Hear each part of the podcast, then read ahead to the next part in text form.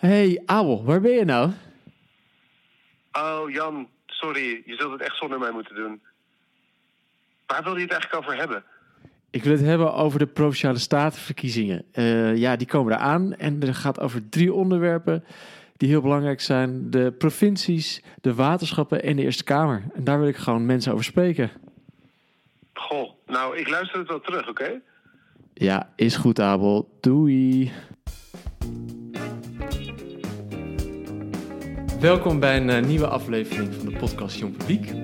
Bij uh, Jong Publiek, de podcast, bespreken we elke aflevering het werk van iemand in de publieke sector. En uh, we hebben nu een miniserie, in, want in aanloop naar de Eerste Kamerverkiezingen spreken we met jonge mensen uh, wiens werk wordt beïnvloed door de Provinciale Staatsverkiezingen. Dus zijn de waterschappen, de provincies en de Eerste Kamer. En vandaag gaan we het hebben over het werk in de Eerste Kamer, samen met Danique. Welkom Danique. Ja, dankjewel. Leuk om hier te zijn. Yes. Uh, en ik zit hier met uh, Leonie. Ja, misschien ook nog wel bijzonder om te noemen dat we ook in de Eerste Kamer Ja, zitten. zeker. Commissiekamer nummer drie. dus uh, dat is echt heel erg leuk. En Danique, jij bent stafmedewerker van de Eerste Kamer. Ja, klopt. Ja. Heel leuk dat je mee wilt doen aan deze miniserie. Um, ja, misschien meteen om maar met de deur in huis te gooien. Wat doet, te vallen, wat doet de stafmedewerker van de Eerste Kamer? Ja, nou, goede vraag. Ja, ik uh, ben nu sinds anderhalf jaar stafmedewerker bij de Eerste Kamer. En uh, ja, wat doet een stafmedewerker? Eigenlijk heel plat gezegd ondersteunen wij uh, de leden van de Eerste Kamer in hun werkzaamheden. Ja. En onze week draait eigenlijk om de dinsdag. Dat is de vergaderdag in de Eerste Kamer. Um, want de leden zijn het part-time. Ze hebben ook gewoon een andere functie ernaast. En wat wij dan eigenlijk doen is... Um, nou ja, we hebben allemaal commissies. Dus per ministerie hebben we een commissie. En ik ondersteun dan twee commissies. Ja. En uh, een commissie is dan eigenlijk met de leden die dat onderwerp uh, aangaat... die zitten daarin. En we hebben een griffier... Ja. Een stafmedewerker, dat is dan mijn functie, en twee informatiespecialisten. En wij vergaderen dan eigenlijk één keer in de week. Maar we proberen nu wel één keer in de twee weken. Het is een beetje afhankelijk van de, van de onderwerpen. En dan behandelen we eigenlijk uh, wetsvoorstellen en ingekomen brieven. Maar die moeten natuurlijk ook allemaal voorbereid worden. En uh, die voorbereiding doe ik. Ja. Uh, samen met mijn collega's. Dat doe ik natuurlijk niet helemaal alleen. En uh, vaak is het zo dat we in een, uh, in een vergadering, dat de commissieleden zeggen, nou ik heb nog wat vragen over een bepaald onderwerp of over een brief. En zij maken dan inbreng. Mhm. En dat betekent eigenlijk dat zij die vragen op papier zetten. En die mailen zij naar ons. En daar maken wij dan een mooi lopend verhaal van in een brief. En dat communiceren we met het ministerie. Ja. En dan houden we eigenlijk alle procedures in de gaten. En dan zorgen we dat het weer op de agenda komt. Ja. Dat is eigenlijk in een notendop een beetje wat ik dan doe. Dus eigenlijk een beetje de brug tussen de, staten, of de statenleden, de Eerste Kamerleden zelf Ja. en, de, en de ministeries en de ambtenarij. Eigenlijk wel, ja. ja. En misschien is het goed om nog heel in twee zinnen te zeggen... wat doet de Eerste Kamer ook weer? Wat doet de Eerste Kamer ook alweer? Nou ja, de eerste... Wat ondersteun je? Wat ondersteun ik? Uh, ja, nou dat is een goede vraag. Um, even nadenken hoe ik dat het makkelijkst... Uh... Mag ook drie zinnen hoor. Dat... Mag ook drie zinnen. Um, nou ja, het is eigenlijk natuurlijk een orgaan die de wetsvoorstellen toetst. Ja. Uh, de kwaliteit van wetgeving toetst. Dus is het uitvoerbaar, is het rechtmatig en is het haalbaar?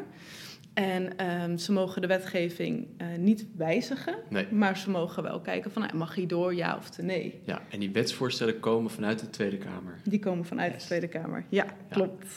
Ja. En uh, je zei dat je in twee uh, commissies zit.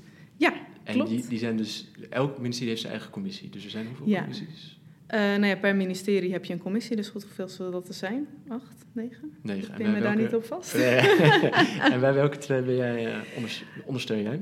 Uh, nou, daar wil ik eigenlijk liever niet op ingaan. Ah, Want elke okay. ambtelijke toelichting die ik dan schrijf, dan weet de buitenwereld ook dat ik dat dan ben ah, geweest. Okay, ja. um, en het wisselt ook nog wel eens. Ik ja. zit er nu bij twee en het kan ook zomaar zijn dat dat er uh, volgend jaar één is. Ja, ja dat is ah, een spannend. beetje afhankelijk uh, hoe het hier intern is. Ja, en we zijn ook aan het doorontwikkelen. En dat betekent eigenlijk dat we gewoon wat meer uh, collega's hebben aangenomen om te helpen met de ondersteuning. Um, en dat moet ook allemaal nog even een weg vinden wie wat dan uh, gaat doen. Ja. ja. Ik vind het ook, uh, want je, je noemde het net al van e- het één, daar wil ik niet op ingaan, maar ook eh, ik ben ambtelijk neutraal, zei je net al even in de voorbespreking. Ja, eh, jij ondersteunt dus gewoon de, de Eerste Kamerleden die van alle partijen zijn. Dus Klopt, het is ja. helemaal eh, objectief dat jij daar eigenlijk in staat. Om het zo maar te Ja, zo kan je het eigenlijk wel stellen, ja. Want het is dan, eh, in de commissie zitten dan eigenlijk eh, leden van alle partijen. En zij hebben dan allemaal vragen. Dus of dat dan vragen zijn van de VVD of van de PVV, die behandel ik allemaal in één brief. En dan gaat dat uit naar het ministerie. Ja, dus het is niet dat ik voor één eh, fractie werk. Dat doen de fractiemedewerkers. Het is goed om dat onderscheid ook nog Ja. even Ja, te zeker. maken. Ja. En dat is ook het leuke, want je ziet dan ook echt de politieke wisselwerkingen. Vaak in de commissievergaderingen komt dan wel het een en ander naar boven. En als je ambtelijk neutraal bent, dan kan je daar heel veel van vinden. Ja, Maar dat mag je natuurlijk niet terug laten komen in, eh, in je brieven. Nee. nee, het lijkt me wel oefen, een oefening ook om neutraal Nou. te kunnen... Nee? Nee, nee, dat gaat mij eigenlijk heel natuurlijk af. Maar ik kan me voorstellen dat je zegt dat is een oefening. ja, ja. En eh, is elke dinsdag is er vergadering, zei je? Ja, zijn ook, dan, klopt. dat zijn ook alle commissievergaderingen? Of is dan de- Ja, ja, we proberen eigenlijk, omdat eh, de Kamerleden ook eh, ja, gewoon andere werkzaamheden Mhm. hebben, proberen we alles op de dinsdag te doen. Ja. En het wil nog wel eens voorkomen bij grote wetsvoorstellen of bijvoorbeeld bij begrotingsbehandelingen, dat we ook de maandag erbij pakken, maar dat zijn echt wel de uitzonderingen. Ja, en dan Ja. werk je dus echt, echt elke week toe naar een deadline. Ja, Ja. ja. klopt. Ja, het zit eigenlijk zo. Op maandag is het eh, vrij rustig. Dan, dan komen er wel eens brieven binnen, maar die komen meestal op vrijdag. Ehm, dus maandag is voor ons een wat rustigere dag. Dan doen we ook andere werkzaamheden. Daar kom ik straks nog wel even op. Bijvoorbeeld bij de Kamerwisseling, dat we voorbereidende stukken aan het schrijven zijn. Ja. Dat doe ik nu veel op maandag. En eh, op de dinsdag is dan echt de vergaderdag. Dus dat is echt de dag dat wij veel, eh, nou ja, veel in vergadering zitten en veel moeten gaan schrijven wat er, in, eh, ja, wat er in de vergadering is besloten. Dat noemen wij de korte aantekening. Ja.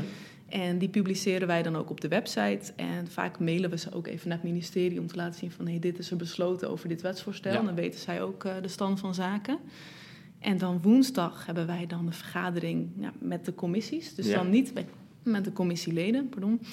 Ehm, maar echt met de griffier, de stafmedewerker en de informatiespecialisten. Ja. En dan kijken we terug naar wat is er allemaal besloten en wat gaat er de volgende keer besproken worden. En dat is eigenlijk het startmoment dat wij alle brieven en alle inbrengen gaan verwerken en dat we weer gaan communiceren met ministeries. En dan de donderdag, nou ja, eigenlijk hetzelfde. En dan maken we dat af. En vrijdag zorgen we dat de agenda's allemaal weer klaarstaan voor de volgende dinsdag. Ja. En dat is eigenlijk heel simpel gezegd onze week. Ja. ja. Klinkt wel eh, lekker procesmatig. Het is heel procesmatig. Ja. Ja, Nou ja, het overzichtelijke is, elke week is over het algemeen genomen een beetje hetzelfde. Maar het is Mhm. natuurlijk afhankelijk wat erin komt en eh, wat er ook weer uit moet gaan. We zijn bijvoorbeeld ook bezig met, eh, nou ja, als er werkbezoeken naar het buitenland geregeld moeten worden, dat doen wij ook. Ook als er bijvoorbeeld in eh, Brussel een interparlementaire bijeenkomst is, Ja. dan gaan wij mee als ondersteuning. En dan maken ze ook informatiedossiers en dan begeleiden we ook de leden die daar naartoe gaan. Ja. En dan ga je dus zelf ook mee. Ja, dan ga je zelf ook mee. Ja, ik eh, heb nog niet het plezier gehad om dat eh, te mogen doen. Ik ga binnenkort een keer mee naar Brussel. Ga ik daar eens kijken. En dat zal dan mijn eerste keer worden. Maar goed, ik zit hier anderhalf jaar, dus dat is ook niet zo gek. Niet zo gek, nee. Nee. En, en waar in, die, eh, in, het proces wordt het nou echt spannend voor jullie? Waar wordt het echt spannend voor ons? Nou, het kan wel eens politiek gevoelig worden. Eh, en dan is het ook wel eens even spannend van hoe ga ik dit dan op papier zetten? Mhm. Hoe vat ik dit nou? Je krijgt natuurlijk een inbreng van een Kamerlid en dan moet je dan, je moet het een beetje neutraal op papier gaan zetten. Soms dan, dan stellen ze dingen waarvan je denkt, ja, maar dit kunnen we niet zo sturen bijvoorbeeld, Nee. om het even heel gechargeerd te zeggen. En dan ga je er wat van maken en dan, dan stuur je het nog rond, zodat ze het zelf kunnen controleren van, nou, is dit goed, staan we hierachter?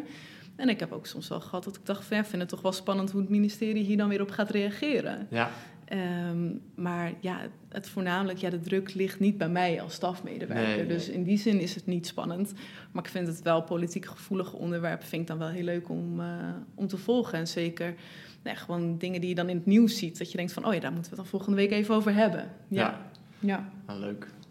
En er wordt ook, eh, volgens mij is nu een, eh, de coalitie in de Tweede Kamer heeft een minderheid nu in de Eerste Kamer, toch? Ja. Ja, ja. ja klopt. Dus merk je dat heel erg, dat er heel erg wordt gezocht naar nieuwe coalities hier? En, Nou ja, er wordt wel ook vaak op de gangen vang je wel eens wat op. eh, Ja. dat ze een beetje aan het proberen zijn natuurlijk hè, om, eh, om steun te vinden daarin. En dat maakt het natuurlijk ook wel, eh, wel spannend van hoe gaan ze dit dan doen. En dat is ook wel leuk om een beetje zelf te gaan voorspellen van nou, hè, hoe zullen ze dit opvangen in de Mm. Eerste Kamer? Wat zullen ze gaan doen? Daar kan je natuurlijk wel een sport van maken voor jezelf. Is dat ook wat het, eh, eh, wat het voor jou leuk maakt om, eh, om hier te werken? Ja, maar voornamelijk ook echt eh, de collega's. Vind ik ook echt. Uh, we zijn een best wel een jong team. Er zitten wat verschillende leeftijden in. Maar dat had ik van tevoren niet verwacht toen ik bij de Eerste Kamer uh, kwam te werken. Ik had het een beetje het idee van, nou, de Eerste Kamer, ja, iedereen is wat ouder die daar mm -hmm. zit. En het zal allemaal wel gematigd gaan. Maar het is eigenlijk allemaal heel erg leuk. En we doen buiten werktijd ook allemaal leuke dingen met elkaar. Zo gaan we wel eens naar de bioscoop en dat soort dingen. Dus dat maakt het voor mij ook heel erg leuk. En dat je gewoon tijdens je werk een beetje alle politieke uh, ja, belangen ziet bijeenkomen, zeg maar. Dat maakt het voor mij wel leuk, ja. ja. Misschien is dat ook een uh, mooi bruggetje naar, naar hoe je hier, uh, hier gekomen bent. Ja, zeker. Ja, anderhalf dat jaar is, geleden, zei je? Wel een bijzonder verhaal, denk ik. Um, ja, ik ben hier anderhalf jaar geleden begonnen. En ik ben gevraagd om mee te werken met een parlementair onderzoek. De parlementaire onderzoekscommissie was toen ingesteld. En um, dat gebeurt niet vaak. Er zijn twee keer eerder parlementaire -hmm. onderzoekscommissies ingesteld bij de Eerste Kamer. Uh, namelijk in 1962 en in 2011, 2012. Dus dat is echt wel uh, nou, sporadisch. Ja. En uh, dat vond ik heel bijzonder om daarna mee te mogen, mogen werken. En misschien moet ik ook even zeggen, ja, parlementair, de Eerste Kamer heeft zeg maar de mogelijkheid tot het houden van een parlementaire enquête. Dat hoor je veel bij de Tweede Kamer, hè, dat ze dat doen. Maar ook om het instellen van een parlementaire onderzoekscommissie. Maar dat is dan eigenlijk minder ingrijpend dan een parlementaire enquête. Zo okay. moet je het een beetje zien. En uh, dit ging over het onderzoek naar antidiscriminatiewetgeving. Ja. En ik heb behoorlijk affiniteit met wetgeving. Dat heb ik ook met mijn master heb ik daarover uh, over gestudeerd. Over hoe komt nou een wet tot stand. En uh, nou, dus het onderwerp sprak me ook direct aan. En toen ik dan de kans kreeg om hier aan mee te werken, dacht ik, ja, die moet ik grijpen. En uh, nou ja, dan ga je dus aan de slag met een team van onderzoekers en senatoren. Dat zijn dus Kamerleden. Mhm.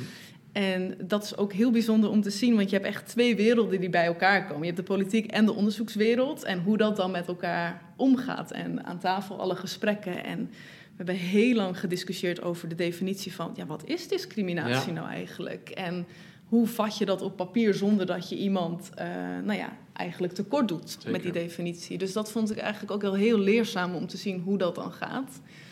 En um, ja, het was gewoon heel mooi om eigenlijk binnen te komen en om kennis te maken met wat doet de Eerste Kamer. Omdat ik ook, um, ik zat niet meteen in, vaste, in een vast stramien, zoals ik net al beschreef, hoe de weken uitziet. Dat hadden wij niet bij de onderzoekscommissie. Het was echt, wij, de griffier en ik bepaalden eigenlijk wat komt op de agenda en wat van het hoofdstuk moet er af zijn. Want alleen, een motie wordt alleen ingediend als de meerderheid van de Kamer het eens is. En dan uh, is er officieel een parlementaire onderzoekscommissie ingesteld. Ja. En er zijn dan weer mensen voor geworven. Dus de externe onderzoekers en de Kamerleden moesten zich daar ook voor aanmelden.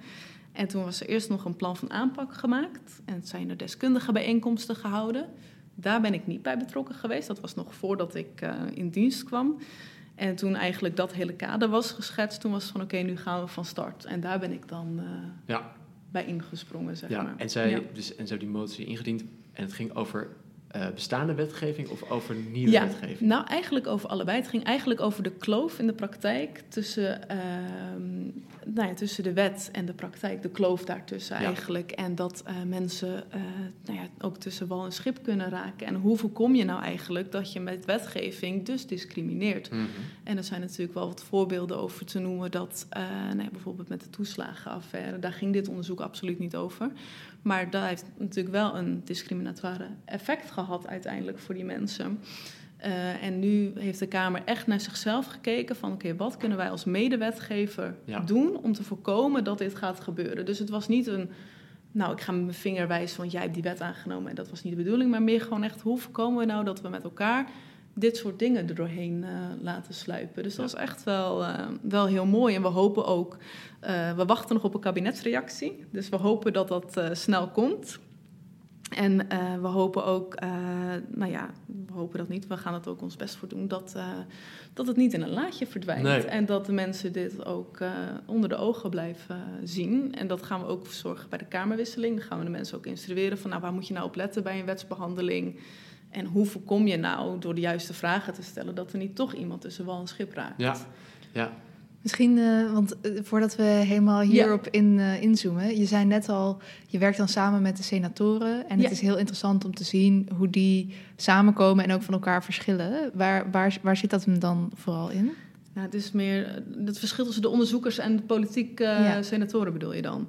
Nou, dat zit hem echt wel in dat de onderzoekers die, die willen heel diep gaan op het onderwerp. En hè, hoe zit dat nou wetenschappelijk? En Mm. ehm, die gaan er heel erg uitgebreid op in. Terwijl de politiek heeft natuurlijk ook zo zijn eigen wensen van, maar we willen graag dit overbrengen.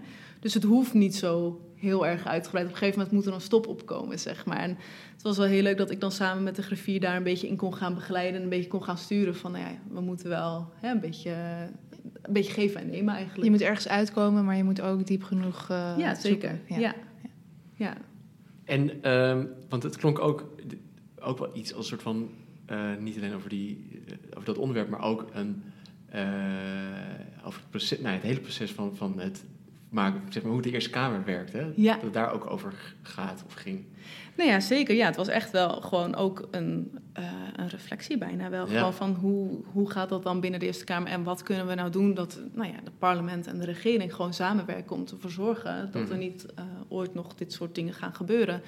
En eh, dat er geen wetten komen met discriminatoire eff- effecten. Gewoon, ook al is het niet bedoeld, Ja. maar er is gewoon niet over nagedacht. Dus we hopen ook dat bijvoorbeeld door in een memorie van toelichting, wat vaak bij een wet wordt geschreven, ook een passage komt bij van, nou ja, wat zijn de kansen op discriminatoire effecten? Hm. Ehm, wat, Dat is er nu nog niet. Of, Nee, niet Nee. altijd. Nee, en eh, dat hoeft ook nog niet. Ehm, maar we hopen daar wel meer aandacht voor te krijgen, ook met, eh, met de aanbevelingen die gedaan zijn met dit onderzoek. Ja. ja. nou, klinkt wel als een heel urgent en eh, belangrijke... Zeker, ja. Stappen. ja. Dus het was heel mooi om daar, nou ja, daar mee te mogen helpen. En ook, we hebben ook wel hele mooie gesprekken gehad met mensen die dagelijks in hun leven toch wel merken dat ze gediscrimineerd worden omdat ze bijvoorbeeld in een rolstoel zitten Mhm. en nou ja, niet gemakkelijk bijvoorbeeld gebruik kunnen maken van een trein. Nee, Om even een heel praktisch voorbeeld te geven. En dat is zo, ja, dat was heel bijzonder om daar gewoon echt de urgentie van eh, wat we aan het doen waren te benadrukken. En ook mee te kunnen geven aan de senatoren van, nou ja, we doen het echt ergens Ja. voor. En dat is wel heel fijn. ja. En de uitkomsten zijn dus zowel voor de Eerste Kamer om, om die, die check te doen. Hè, van we Ja. krijgen nu een nieuw wetsvoorstel, zitten daar... Ja, eh, echt een afwegingskader. Echt afwegingskader. En is Ja. het ook nog iets wat jullie terugkoppelen aan de Tweede Kamer? Van, weet wel, wij Ja. gaan hier heel streng op zijn. Ja, ja het, is ook, eh, het rapport heet Gelijk Recht doen. En dat is ook gedeeld eh, met de voorzitter van de Tweede Kamer. En het is niet dat we ze nu hebben gewaarschuwd van... oh, pas nou op, want we gaan hier heel streng Nee. op zijn. Maar we hopen eigenlijk meer dat het op de tekentafel al duidelijker wordt... ook bij de, gewoon bij de ministeries van... geef daar aandacht aan. Ja. Ja. En toen, eh, dus je bent gevraagd, het beviel zo dat je dacht, ik wil hier blijven werken. Ja, ja nou, het, het beviel zo erg. Het was echt een warm bad. Waar Mhm. ik, eh, het is misschien heel gek, maar het is, een, het is echt een relatief kleine organisatie. We zijn ongeveer met 80 eh, medewerkers van de Griffie. En de Tweede Kamer heeft er 500. Ja. Dus dat, eh, ja, minstens 500. Het zullen er ongetwijfeld meer zijn. Maar dat schetst wel in hoe klein de organisatie is. En dat voelt voor mij heel fijn dat iedereen weet wie, wie iedereen is. Ja. Grappig, want dat eh, merkte je ook al toen, je hier, toen we hier binnenkwamen. Het is laat op, eh, op donderdagavond, dus het is Ja. al best rustig in het gebouw. Maar Ja. inderdaad, iedereen die, eh, die, die we tegenkwamen zegt gedag, weet wie je bent. Het is Ja. heel anders, denk ik, bij veel andere eh, publieke instellingen Ja. die gewoon groter zijn. Ja, zeker. Ja, en dan heb je dat ongetwijfeld binnen je eigen afdeling. Maar dan sta je misschien in de lift met mensen waarvan je denkt... ja joh, ben je een externe? Werk je hier? En wij weten eigenlijk altijd wel van... hé, hey, diegene die hoort hier niet. Die zit ja. een Bezoekerssticker sticker is niet nodig eigenlijk. Nee. eh, ja. En, Wel vriendelijk hoop ik. ja, ja. En hoe is het contact met, de met de leden? Want dat zijn natuurlijk Mm. allemaal mensen met vet veel ervaring, politieke ervaring. Contact heel met de leden Heel veel nevenactiviteiten. Ja, zeker. Ja. Nou, ik heb niet met elk lid contact natuurlijk. Wel met de commissies eh, die ik dan regelmatig doe. En dat waar? Nee, Ja, dat zal ik niet zeggen. Nee, maar ehm, het is gewoon heel fijn. Iedereen begroet elkaar, ook met de leden. En eh, ze zijn heel toegankelijk. De Mhm. een wat minder dan de ander, ook gewoon vanwege volle agenda's. Maar het is niet zo, ehm, het is niet heel formeel, vind ik persoonlijk. Op de wandelgangen begroeten we elkaar. En ik zal niet meteen met eh, koetjes en kalfjes eh, zeg maar beginnen. Maar het is wel gewoon heel gezellig.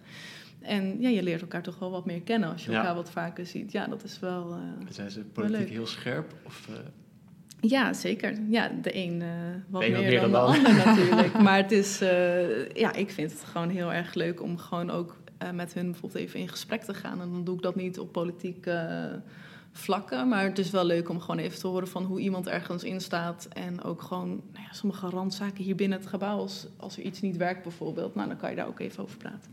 Ik ben wel eh, benieuwd ook, want de Tweede Kamer is misschien iets eh sexier. Eh, in, de, in de publieke opinie? Want dat zie je veel op televisie, Ja. daar gebeurt het, Ja, daar is het vuurwerk. Ja. Ehm, hoe, eh, hoe wordt er ook door jouw omgeving dan gekeken naar het feit dat je in de Eerste Kamer werkt? Is dat nog, eh, hebben mensen daar een reactie op? Of, Nou, meestal als ik zeg dat ik bij de Eerste Kamer werk, dan zeggen mensen, oh wat gaaf. Oh, oké. En, dan, en dan stopt het. Want dan weten ze niet zo goed wat ze moeten zeggen.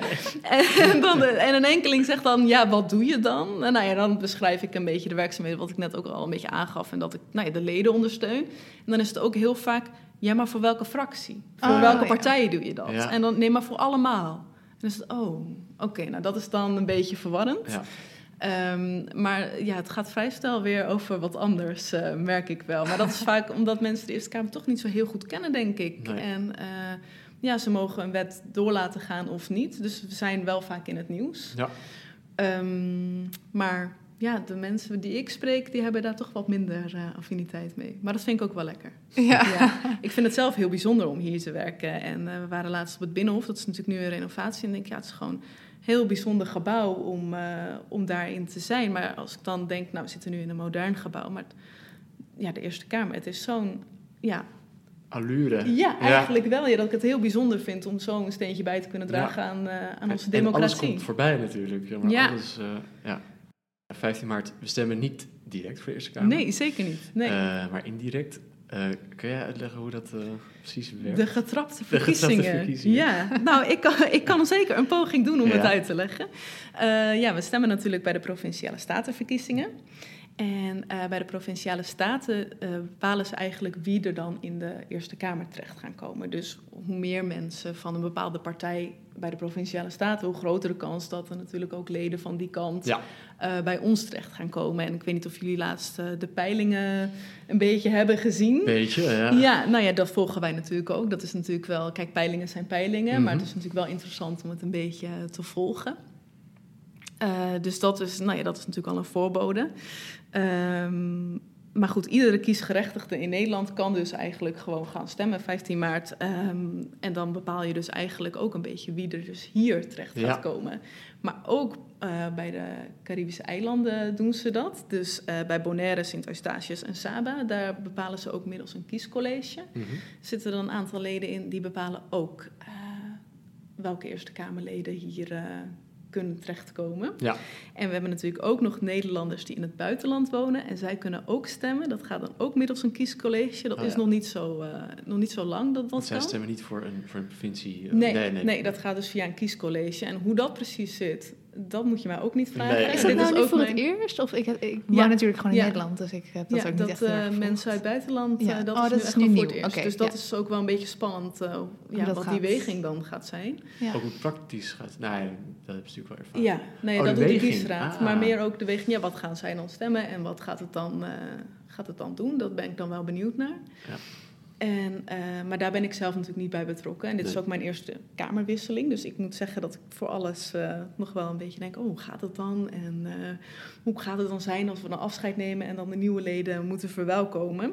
En alle processen weer moeten toelichten natuurlijk. Ja, zeker. Daar zijn we nu ook al druk mee bezig. De ja. overdracht. De overdracht. En dat is dan eigenlijk meer eh, voor de fracties die nieuw zijn in de Eerste Kamer. Dus zoals het nieuws hoor je al veel... Dus in ik de- noem een eh, BBB. Bijvoorbeeld, ja, dat zou natuurlijk zomaar kunnen dat zij hier terechtkomen. En dan is er eigenlijk geen overdracht. Want als er leden zijn van een fractie die hier al zit, gaat nooit iedereen weg. Dus Nee. dan is er intern wel een overdracht. En dan komt dat vaak wel, dat loopt vaak wel los. Maar ja, we moeten ons toch wat meer ontfermen over de leden van de nieuwe fracties. Mhm. Met ja, hoe gaat dat dan? En hoe gedraag je je? En wanneer lever je inbreng? En wat moet je vooral wel en niet doen? Een beetje Ja. kort gezegd. Dus dat vind ik ook wel spannend. Ja. ja. Daar hebben ze bij de vorige Provinciale Staten natuurlijk ervaring mee kunnen opdoen met de opkomst van, eh, met Ja. Forum, van Forum. Ja, ja, die eh, vervolgens is afgesplitst. Die volgens afgesplitst. Ja. maar daar, Ja. daar was je natuurlijk niet bij. Toen werkte je nog niet. Of eh Nee, een beetje rond van, oh god, we moeten weer... eh, nou, het is wel uit- spannend, want we hebben niet genoeg fractiekamers als iedereen weer gaat afsplitsen. Dus dat wordt dan wel beetje spannend waar iedereen dan gaat zitten Hoe is dat nu dan? natuurlijk. Zitten nu hele boze mensen met elkaar in Nee, de... nee, dat is nu allemaal goed geregeld. Maar het is, eh, nou ja, stel dat er allemaal nieuwe fracties komen die vervolgens weer gaan afsplitsen. Ja, dat, dat is dan praktisch gezien eigenlijk wel lastig Ja. met de huisvesting waar we in zitten. Ik heb echt nooit stilgestaan bij deze kant van de afsplitsingen. Nee, het is heel. Organisatorische huisvesting. Ja, waar laat je iedereen? ja, Ja, grappig. ja. Maar daar ben ik ook verder niet eh, bij Nee. betrokken hoor. Dat doen andere mensen van de directieorganisatie. Dus eh, dat, dat loopt altijd wel los. Maar ik ben wel heel benieuwd. eh, nou ja, we moeten dan ook bijvoorbeeld gaan kijken van ja, hoe instrueer je ze en wat moeten ze weten. En ook hele ja, makkelijke zaken als van nou ja, hoe laat begint een plenaire vergadering bijvoorbeeld normaal. En Mhm. Eh, hoe zorg je ervoor dat je spreektijd hebt tijdens zo'n vergadering. Ja. Ja. dat moet je ze allemaal vertellen.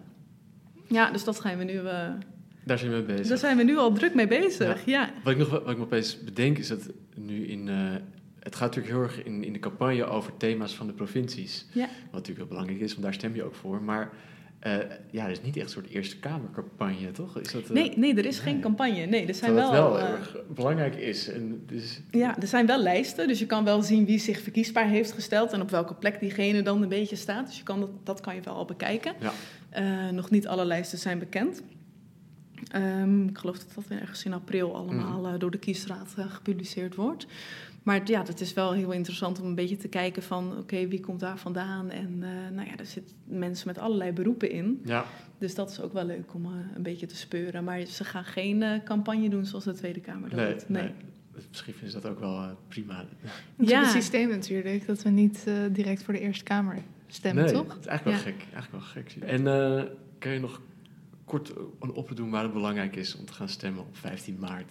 Een oproep doen om... Waar, nou ja, ik vind, eh, je hebt En kiesrecht. vooral voor, ja, dat sowieso. En vooral voor de Eerste Kamer. Waarom het goed is om je even in die eh, Nou ja, kieslijsten te verdiepen. Als je wil dat er bepaalde wetten wel of niet doorgaan eh, namens jouw politieke voorkeur, dan is het natuurlijk fijn dat jouw politieke voorkeur ook vertegenwoordigd Ja. is in de Eerste Kamer. En dat doe je door, door indirect te stemmen bij de provinciale staten.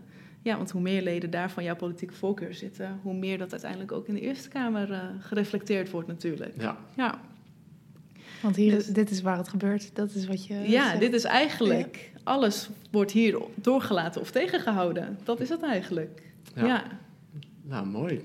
Heb jij nog een laatste vraag? Of iets wat je nog op Ja, je deze, nee, hier kunnen we eigenlijk wel gewoon mee afronden, toch? Het is eh, een super mooie en belangrijke plek waar we hier zitten. En Ja. super leuk om ook van jou te horen hoe het is om hier dan eh, te werken en te ondersteunen in dat hele traject. Je noemde het zelf al het hart van de democratie. Ja, ja, ja, vind ik wel. Ja. Ja, nou super. Heel erg bedankt. Jullie bedankt. En eh, misschien tot de volgende keer. Ja, wie weet. Tot ziens. Top.